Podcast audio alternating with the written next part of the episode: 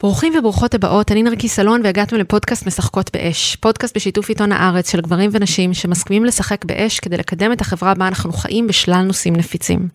בפרק הזה אנחנו ניגע בעבודת צל. איך לעשות אינטגרציה לחלקים המודחקים בתוכנו. בשיחה עם אוהד פלא אזרחי, לשעבר רב בתנועה להתחדשות יהודית וכיום המנחים הראשיים בבית הספר הבינלאומי איסתא, ומחבר הספר קדשה אפלה זוהרת, ניגע בלמה במיניות שלנו יש כל כך הרבה חלקים מודחקים, מה המחיר שאנחנו משלמים על החלקים בתוכנו שאנחנו לא נותנים להם מקום, ונקבל טעימה מהמתנות שנוכל לקבל אם רק נסכים לצלול אל התת מודע. נעבור לפתיח ונתחיל.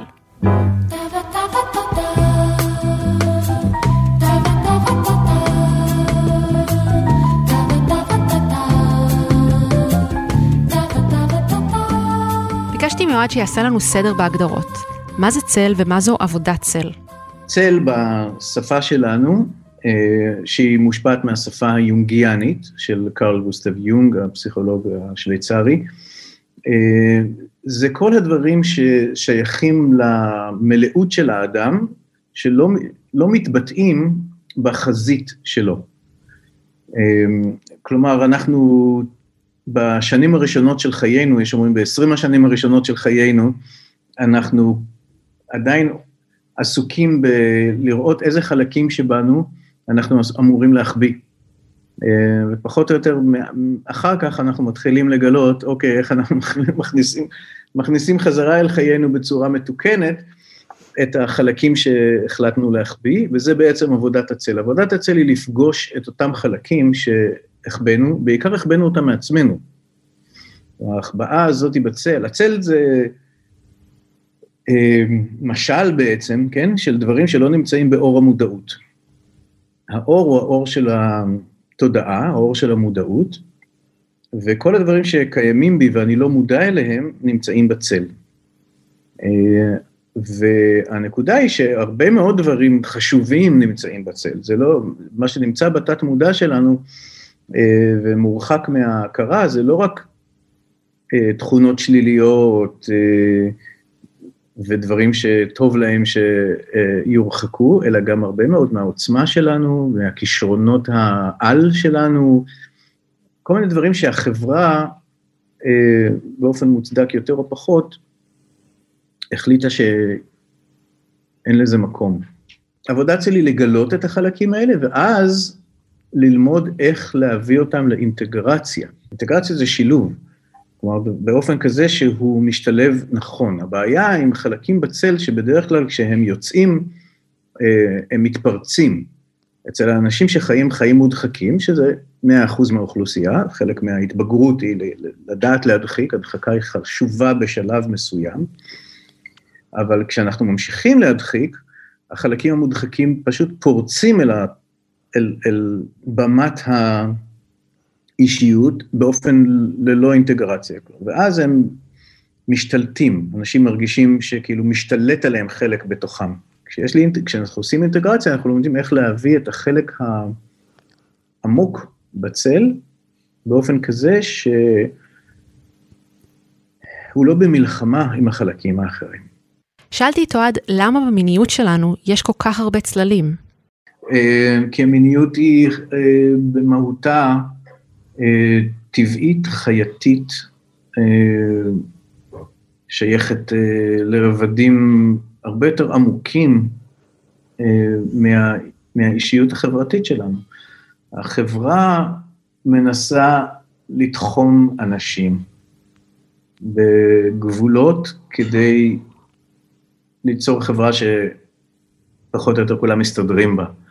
אה, האש האירוטית שלנו היא לא בדיוק נענית לכל הצווים הללו.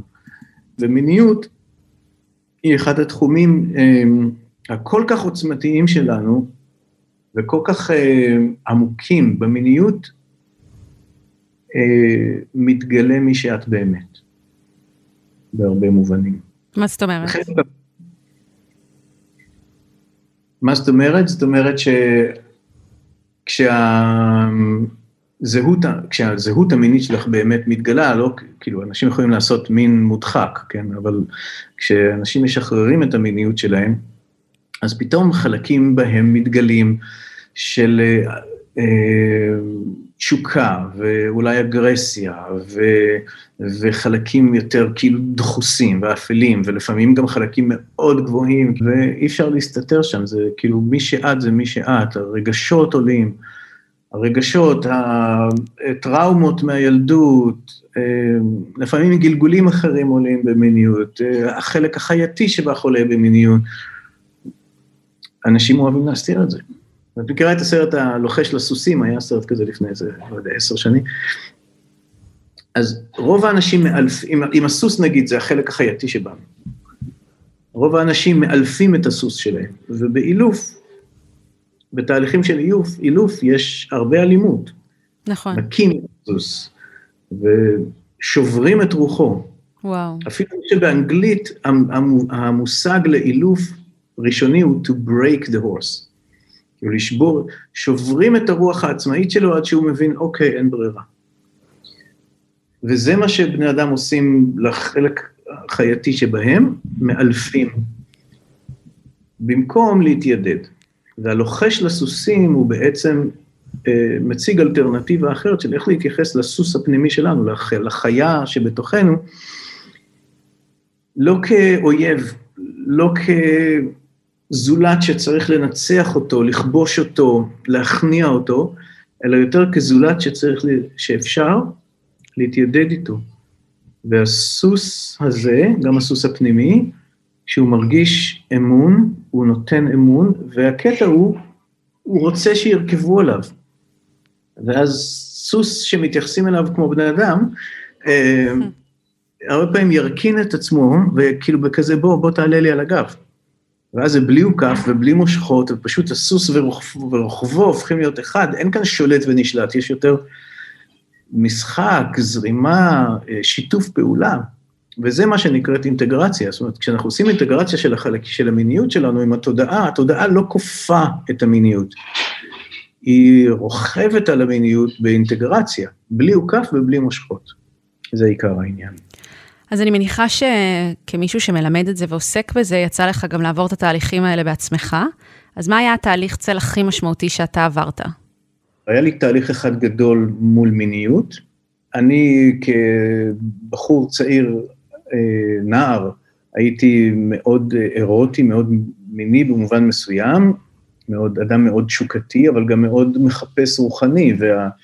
וה הדרכים הרוחניות שמצאתי הציעו סוג של אה, רוחניות תמורת נזירות מסוימת, כן, אם זה בודהיזם ואם זה, בסופו של דבר נכנסתי, הייתי הרבה בתוך הבודהיזם, אבל בסוף נכנסתי ליהדות, ואומנם היהדות היא לא נזירית במובן של הימנעות מוחלטת, אבל היא בהחלט מדחיקה ביג טיים את, ה, אה, את המיניות, ו...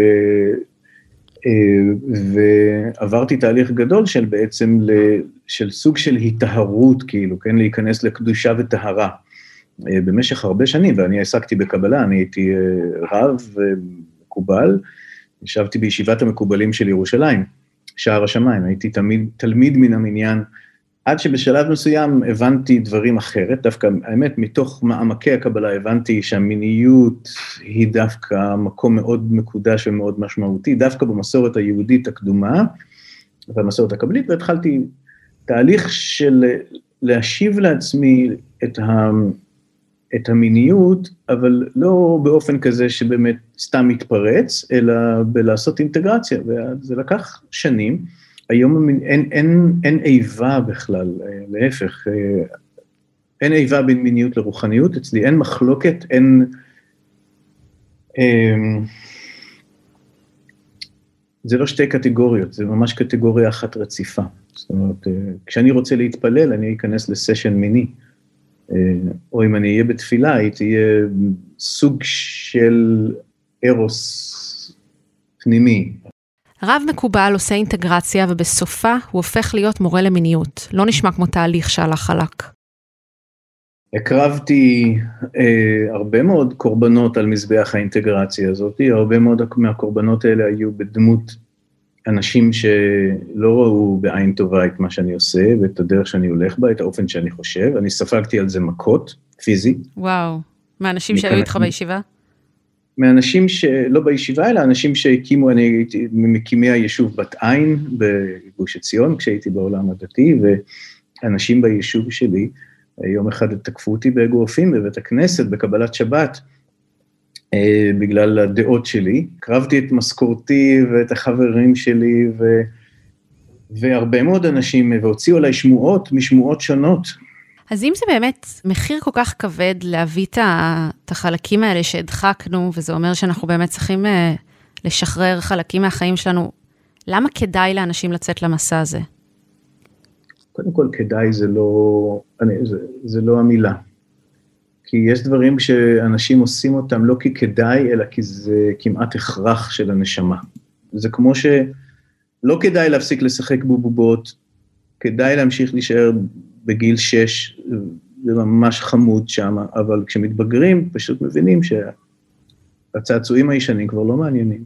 אז כן, הרבה פעמים לא בא לי לשחק באותן בובות, אבל אני בכל זאת ממשיכה לשחק בהם, כי להחליף צעצועים זה דבר מפחיד. שאלתי את אוהד, מה בכל זאת היתרונות למי שמצליח לעשות אינטגרציה ומעז לצאת לעבודת צל? היתרון הגדול הוא שאין אין, אין, אין מלחמה פנימית, יש הרבה יותר שלום, נחת בפנים, וגם חיבור לעוצ... לעוצמה היותר גדולה של האישיות. כי בעצם מה שאנחנו שמים במסכה זה לא את העוצמה שלנו, יכול להיות את הכישרונות שלנו, דרך אגב. זאת אומרת, יכול להיות שאת, אה, סתם לצורך העניין, נורא מוכשרת במספרים, ואת יכולה להיות אחלה רואת חשבון. זה כישרון מסוים, ואנשים יעשו מזה את המקצוע שלהם. אבל זה לא העוצמה שלך, לא בהכרח העוצמה שלך. יכול להיות שהעוצמה שלך היא, אני לא יודע מה, לשבת עם אנשים ולהסתכל להם בעיניים במשך שלוש דקות, ו, ו, והחיים שלהם יתפרמו אה, אל מולך בגלל, ש... בגלל העוצמה שלך, אבל את לא מרשה לעצמך לעשות את זה, כי זה רוחניקי, כי זה אה, לא יודע מה, כי יש על זה כל מיני דעות שגדלת איתן, את מעדיפה להיות רואת חשבון. אז כל עוד החלקים האלה נמצאים בצל, הם מאיימים, הם מפחידים, זה לא חייב להיות מיני, זה לא חייב להיות רע, זה סתם דברים שמעצבנים אותנו, ובדרך כלל הרואת חשבון הזאת היא גם תצחק על כל הרוחניקים, היא בעצם צוחקת על החלקים האלה בעצמה. אחד הדברים שבהם, אחד האופנים שבהם אנחנו מזהים צל בכלל, זה על ידי השלכות.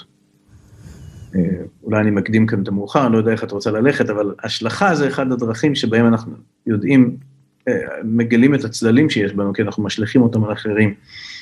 וכשאנחנו שופטים משהו, כשמשהו כאילו מעצבן אותנו באופן יוצא מהגדר, כן, כאילו כולנו אולי יכולים לצחוק על משהו, אבל אותך זה מרגיז, אה, זה אומר שבעצם החלק הזה שבך מודחק, והעוצמה שאת משקיעה ב... ל... אה, לתקוף את האדם האחר, היא בעצם שווה לעוצמה שבה, על האלימות הפנימית שמתרחשת. על מנת לקבל טעימות נוספות איך צל יכול להיראות, ואיך הזיהוי שלו יכול לבוא לידי ביטוי, אספנו עדויות של גברים ונשים שעברו את התהליך. חלק מהעדויות מוקראות על ידי שחקנים. הראשונה היא של טל, בת 33. הייתי באיזה, באיזה הכשרה שהיא הכשרה יחסית ארוכה, שישה שבועות היינו עם קבוצה, ויש שם איזושהי, איזושהי אה, התכווננות באמת לגעת ולהביא צללים, אה, צללים עמוקים. ורק התעצבנתי עוד ועוד ועוד ועוד ועוד, ואז באיזשהו שלב ראיתי שני חברים שלי שכאילו הלכו מכות בכאילו, כאילו דחפו אחד את השני וצחקקו. וזה עצבן אותי כל כך, וממש הרגשתי את הזעם עולה לי בגוף, ופשוט נכנסתי בין שניהם, ואמרתי להם, אתם רוצים לריב? אני אראה לכם איך רבים, I'll show you how to fight. ופשוט התחלתי לדחוף את הבחורה, ממש, באמת לדחוף אותה. ואז הסתובבתי לבחור והתחלתי לדחוף אותו, ו... ושניהם עשו לי פרצוף כזה של מה עובר עלייך, כאילו ממש הלכתי את המכות. במערכת היחסים הקודמת שלי, אחד הדברים ה... ה... העיקריים ש... שעבדתי מולם על עצמי זה, זה כעס. אני זוכרת אה, את, ה... את הפרצוף של אימא שלי, שהייתי ילדה קטנה, שהיא צועקת עליי, והשיער שלה היה קוצים אדומים כזה, והפרצוף שלה ממש מתקרב לפנים שלי, והיא צועקת עליי, ואני רואה את כל הזעם בפנים שלה. אה, ובמשך הרבה זמן, בתוך המערכת יחסים שלי, אה, ניסיתי לא להיות זה, אה, ולדכא את זה, ול, ו, ולעשות עם זה עבודה, וכל פעם שהכעס עולה, ואין כזה לדחוס, לדחוק את זה חזרה פנימה. והייתי מתארת את זה כמו איזושהי ביצת כעס כזה שאני, שאני נכנסת לתוכה ואני, וכאילו ואין אותי, כאילו אני, אני פשוט לא מתקיימת. אמ, והייתי ממש גאה בעצמי, כי הרגשתי שממש הצלחתי לשלוט ברגש הזה, ממש הצלחתי שהוא, שהוא לא יגיע. אמ, ו, והרגשתי שזה איזשהו, איזשהו הישג כזה של, של עבודה עצמית. סיטואציה קלאסית כזאת שבן אדם עושה איזושהי עבודה על עצמו ופתאום מגלה המון המון אלימות שקיימת בתוכו. אה, מה עושים עם זה? כי זה יכול להיות דבר מאוד מפחיד בפעם הראשונה שפוגשים צד כזה מודחק. כן, צריך להבין שזה מצב בדיוק שהצל משתלט. נכון, בתוך סדנה זה אולי אה, מרחב יותר בטוח, פשוט זה, זה החלק הראשון הראשון בעבודת צל, זה בכלל, בכלל לגלות שיש לי צל כזה. אז יש בי אגרסיה, יש בי כעס ואלימות. אה, לגלות את זה זה נהדר, ועכשיו צריך לבדוק כאילו מהו החלק הזה, מה, מה באמת, גם לשחרר רעלים מהעבר, אה, ושחרור רעלים כרוך בשחרור רגשי אה, עמוק ומבוקר, אה, כי כל רגע שלא לא התבטא בזמנו כעס שלא ביטאתי, הוא הופך להיות toxic, רעיל, הוא הופך להיות רעיל במערכת, גם מבחינה פיזית וגם מבחינה נפשית, וצריך לשחרר אותו בצורה נכונה. אבל גם לגלות כאילו את החלק הזה, את הכעסן שבי. כי בעצם הכעסן, כעס הוא דבר נורא חשוב. כעס אומר, בשום פנים ואופן לא. כאילו, היכולת להגיד, כאילו, זה, יש לי חשיבות. לא תדרכו עליי, לא תבטלו אותי. אני, כאילו, זה הגבול שלי, את, את, את זה לא תעברו. כן, כעס, כעס הוא בעצם אה, אנרגיה נהדרת כשהיא מתוקנת, כשהיא במקום הנכון. כשאת רואה שיש בבן אדם הזה את היכולת להציב גבול עמוק, הוא לא פראייר. זה רק מישהו שעשה עבודה עם הכעס שלו, שהוא יכול לכעוס. העדות הבאה היא של ירדן, בן 25. כשהייתי בן 14 הייתי הכי נמוך בכיתה. זה הטריד אותי וגרם לי לחשוב שבחורות לא ירצו אותי בגלל זה, העדיפו להיות עם בנים אחרים גבוהים ממני. ממש רציתי לקבוע וניסיתי לקרוא ולעשות מה שאני יכול. בסופו של דבר הבנתי שזה לא אפשרי וזה לא יקרה. בתחילת התיכון חוויתי ניתוק ושיפוט כלפי הגוף שלי. תחושה של בגידה, שהגוף בגד בי. והדרך היחידה בשביל להיות מקובל ובהרגשה של רומנטי זה דרך זה שאני אפתח את המוח שלי. ואצליח במקומות אחרים. תמיד הייתי בטוח שאם מישהי רוצה אותי זה בגלל השכל שלי או ההישגים, ולא בגלל שהיא באמת נמשכת אליי. הייתה איזושהי תחושה של חוסר אמון. זה גרם לזה אה, שאני תמיד אצטרך לתת משהו או להיות מישהו בשביל להיות נחשק ורצוי. הברווזון המכוער שצריך להסתיר אותו עם איזושהי פרסונה גדולה. זה יצר חוסר איזון. העדות שלו ממש עניינה אותי, כי אני חושבת שאם נבחן הרבה מהאנשים שהכי מצליחים בעולם היום, להרבה מהם המוטיבציה מגיעה מאיזושהי חוויה קשה שהם חוו בילדות בעצם, ואז ההצלחה שלהם זה מה שנותן להם את זכות הקיום. ובמובן הזה, יכול להיות שגם צל בתחומים מסוימים מהווה איזשהו דלק. מעניין אותי מה אתה חושב על זה. כן, אה, טוב, זה, זה מה שנקרא תסמונת נפוליאון. נכון. הבחור, גם נפוליאון היה מאוד נמוך, ובגלל זה הוא היה צריך להיות הקיסר של כל אירופה, אה, כדי לפצות על הכמה סנטימטרים האלה. אה, אני קורא לזה הסדק. אה, ליאונרד כהן, בשיר המפורסם שלו, כתב, There is a crack, a crack in everything, that's how the light gets in. בכל דבר יש סדק, או אולי צריך להגיד בקע. בכל דבר יש בקע, ודרכו האור חודר. אני חושב שדרכו האור יוצא. כן, הבקע באישיות, הסדק הזה, הוא הרבה פעמים אותה, אותו דפקה שיש לנו, שבזכותה דווקא חלקים עמוקים שבנו יכולים לצאת לאור. אז לפעמים זה פשוט על ידי אה, סוג מסוים של תסכול שגורם לבן אדם אה, להיות unfit, כאילו לא מתאים, וכדי להתאים הוא צריך להביא חלקים אחרים שבו.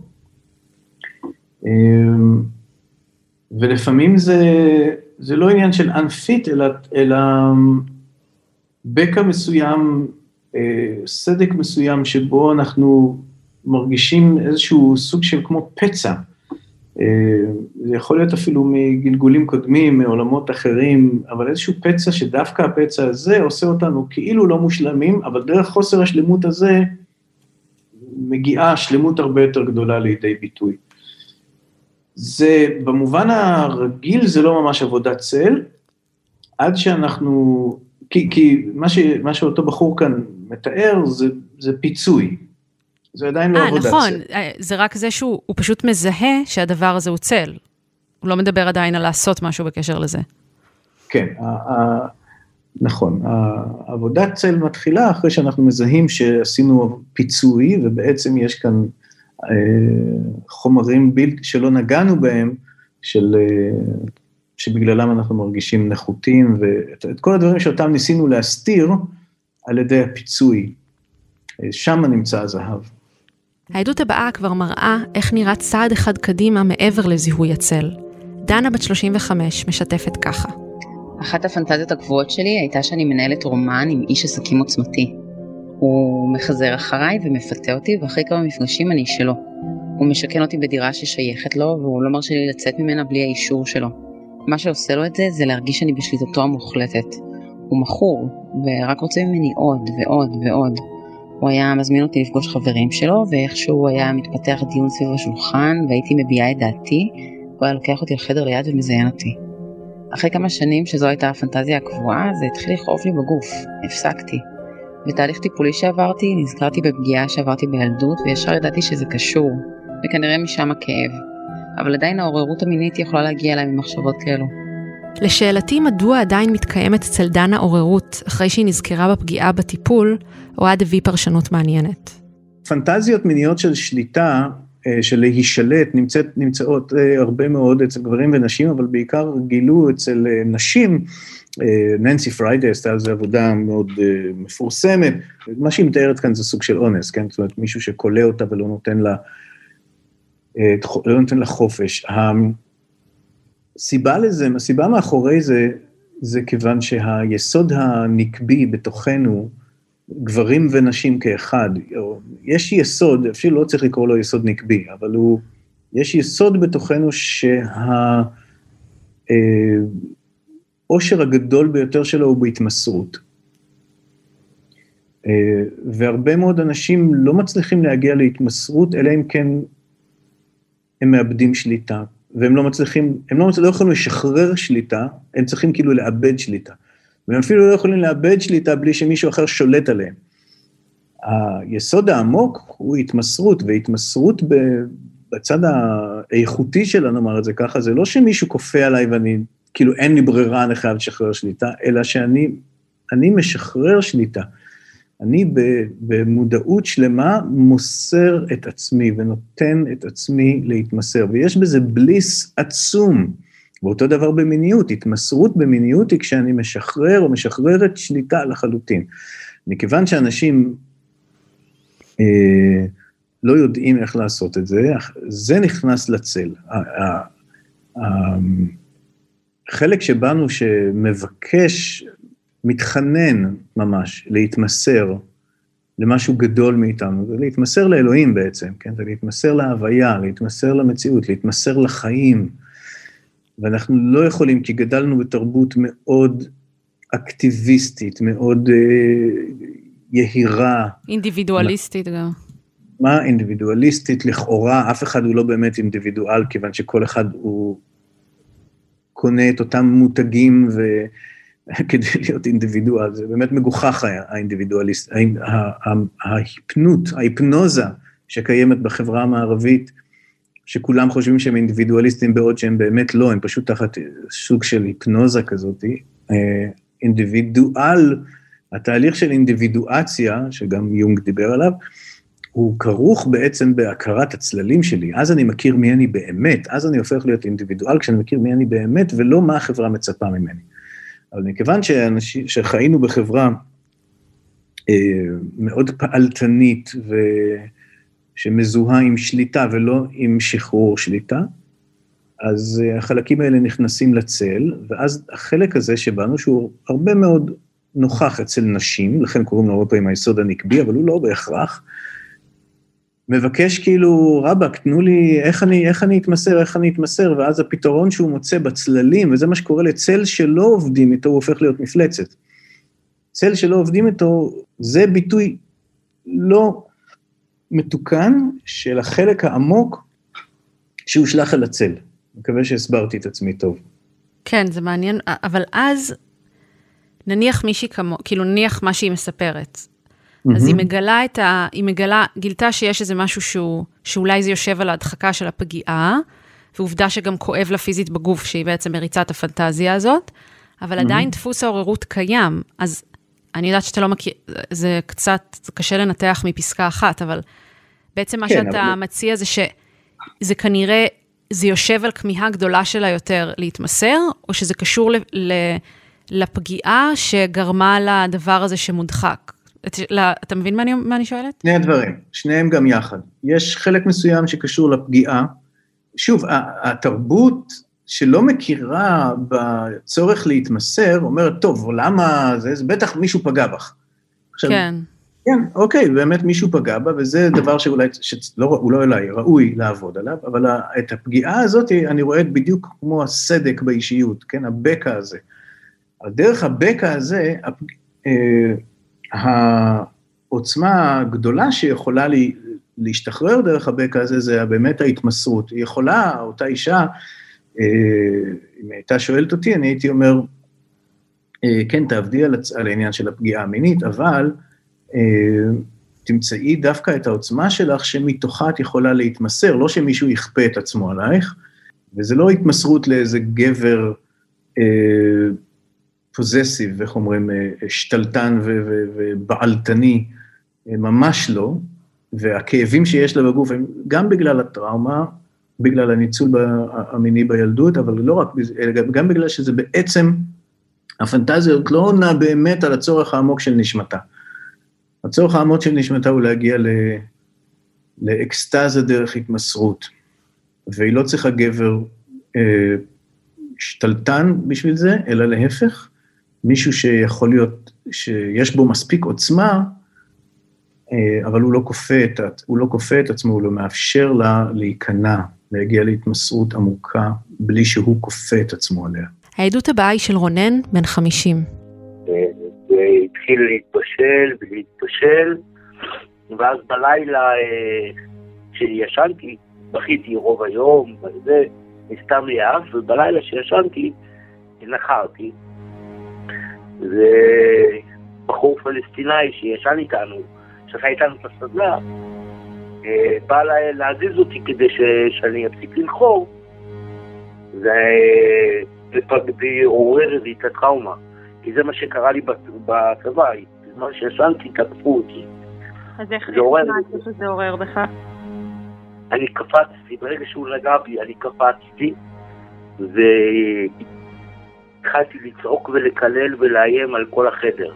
יש שם עוד חמישה אנשים חוץ ממני, על כולם איימתי, וקיללתי, וצרחתי, והשתוללתי, והרסתי את הבגדים והלכתי לנסוע הביתה.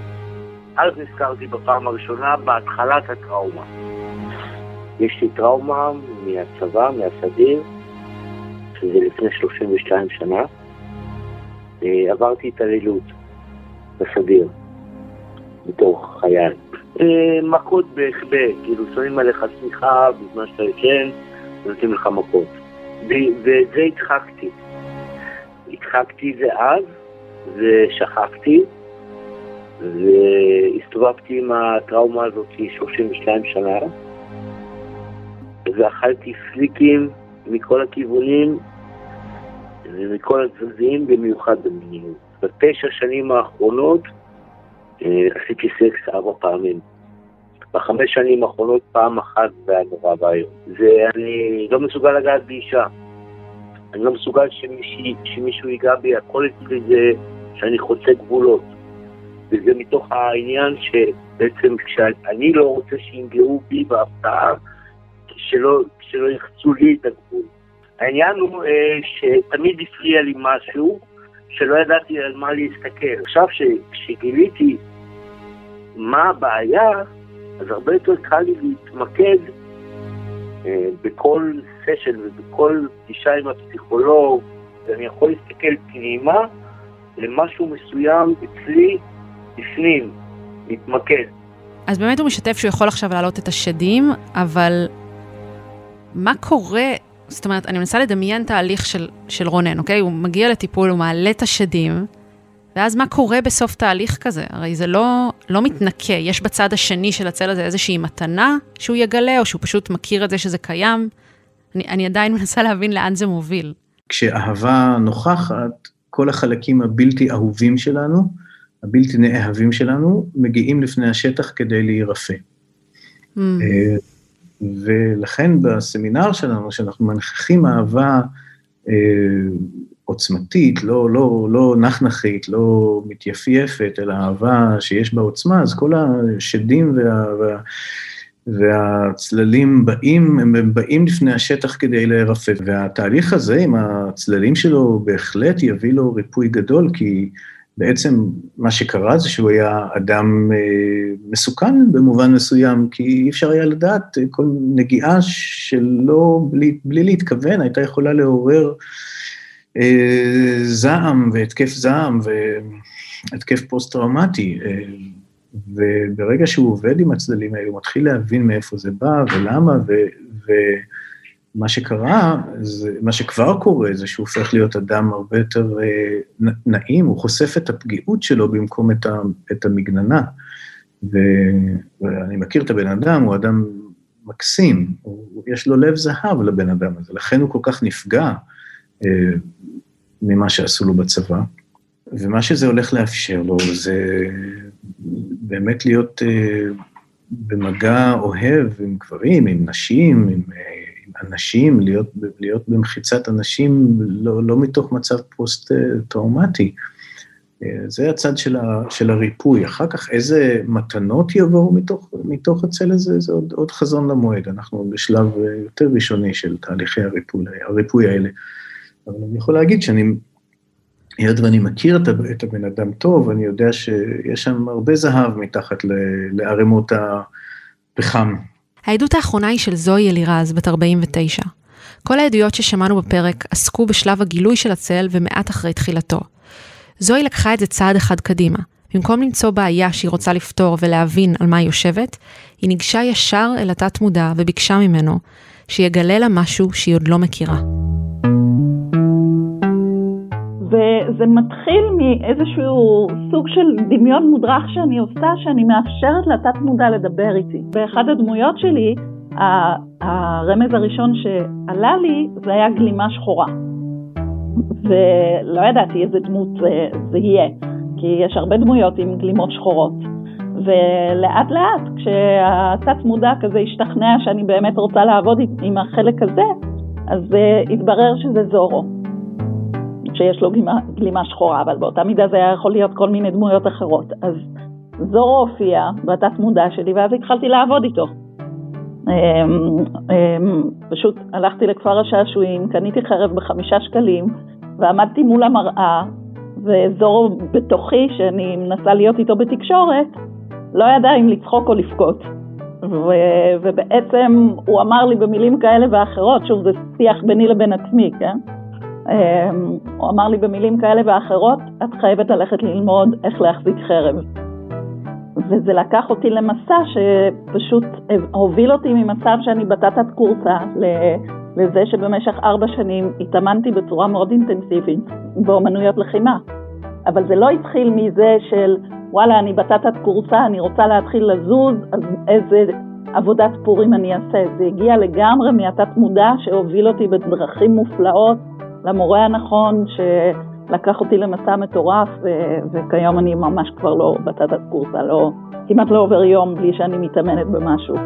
ו- והיו לי עוד דמויות שעשו לי מהפכות בחיים בצורה שלא יכולתי לתכנן בכלל. אחת המסגרות התאורטיות שזוהי מתבססת עליהן זה הפסיכולוגיה התהליכית. כמו שזוהי כותבת, הפסיכולוגיה התהליכית גורסת שיש לנו חלקים מודעים בתוכנו, איתם אנו פועלים, ויש חלקים לא מודעים שמפעילים אותנו, כלומר דמויות הצל. החלקים הלא מודעים בעצם שואפים להיות מודעים, ועל כן הם שולחים לנו כל הזמן אותות. האותות האלה יכולים להופיע בכל הערוצים האפשריים, חלומות, תחושות פיזיות, מחלות, רגשות, תמונות או זיכרונות, וגם בכל מה שקורה לנו בחיי היום-יום. הדרך לעבוד איתם, זוהי כותבת, זה כמו בלשים עם זכוכית מגדלת, להגדיל אותם, להעצים אותם ולהבחין מה ניתן ללמוד מהם. ביקשתי מועד להסביר על משמעות פורים, שממנו גם זוהי שאבה השראה, על ידי זה שעבדה עם תחפושות.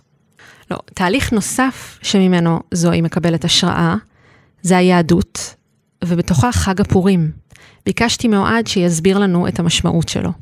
איך שאני מבין את פורים, זה, כל פורים בא בעצם לעבודת צללים.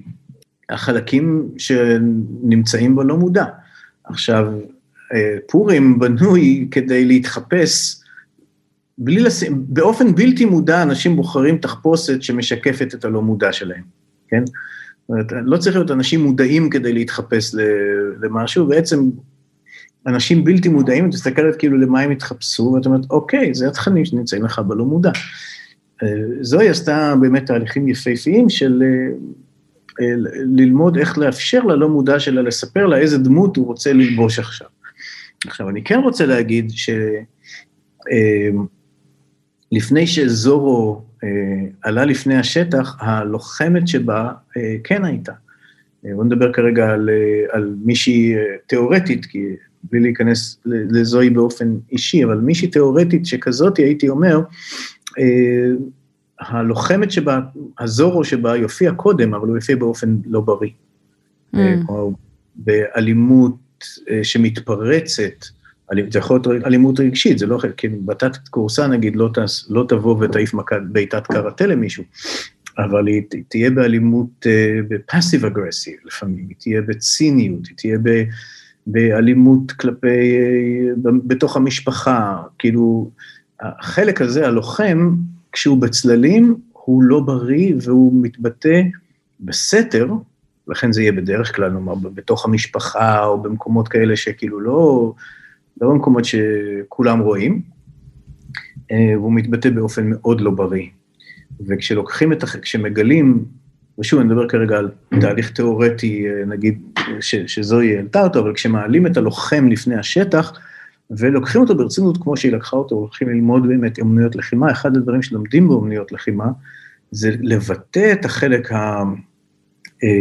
האסרטיבי אה, והאגרסיבי שלנו באופן בריא, וכולנו, אני מניח, יודעים שאדם שמתאמן באמנויות לחימה הופך להיות דווקא אדם מאוד אה, לא לוחמני. כיוון שהחלק, הצל הזה של האגרסיה עובר באומנויות הלחימה אינטגרציה, ואז הוא פשוט יושב טוב בתוך הגוף, וזה אדם שיודע שאם, כאילו, אם, אם הוא ייקלע, סליחה, אם הוא ייקלע לקטטה, הוא בקלות יכול אה, להשכיב שם את כולם, לפרק להם את הצורה, ולכן בדיוק הוא לא צריך לעשות את זה. אה, והוא הרבה יותר נינוח ושלם. תתאר לי איך החברה האנושית תיראה אם כולם עושים אינטגרציה לצללים שלהם. אה, אני לא חושב שכולם יעשו אינטגרציה לצללים שלהם. אני חושב שכולם יכולים להיות אולי יותר מודעים, ואז הם יהיו בתהליכי אינטגרציה לצללים. חלק מלהיות אנושי זה ליצור צל, ואחר כך לעשות תהליכים של אה, אינטגרציה לצללים שלנו. אבל בוודאי חברה שלפחות עבודת הצל, הייתי ככה אומר, חברה שעבודת הצל היא חלק אה, אינטגרלי ממנה, תהיה חברה עם הרבה פחות חוקים ועם הרבה יותר אה, הבנה הדדית, עם הרבה יותר חמלה אה, בתוכה, של אחד כלפי עצמו ואחד כלפי השני.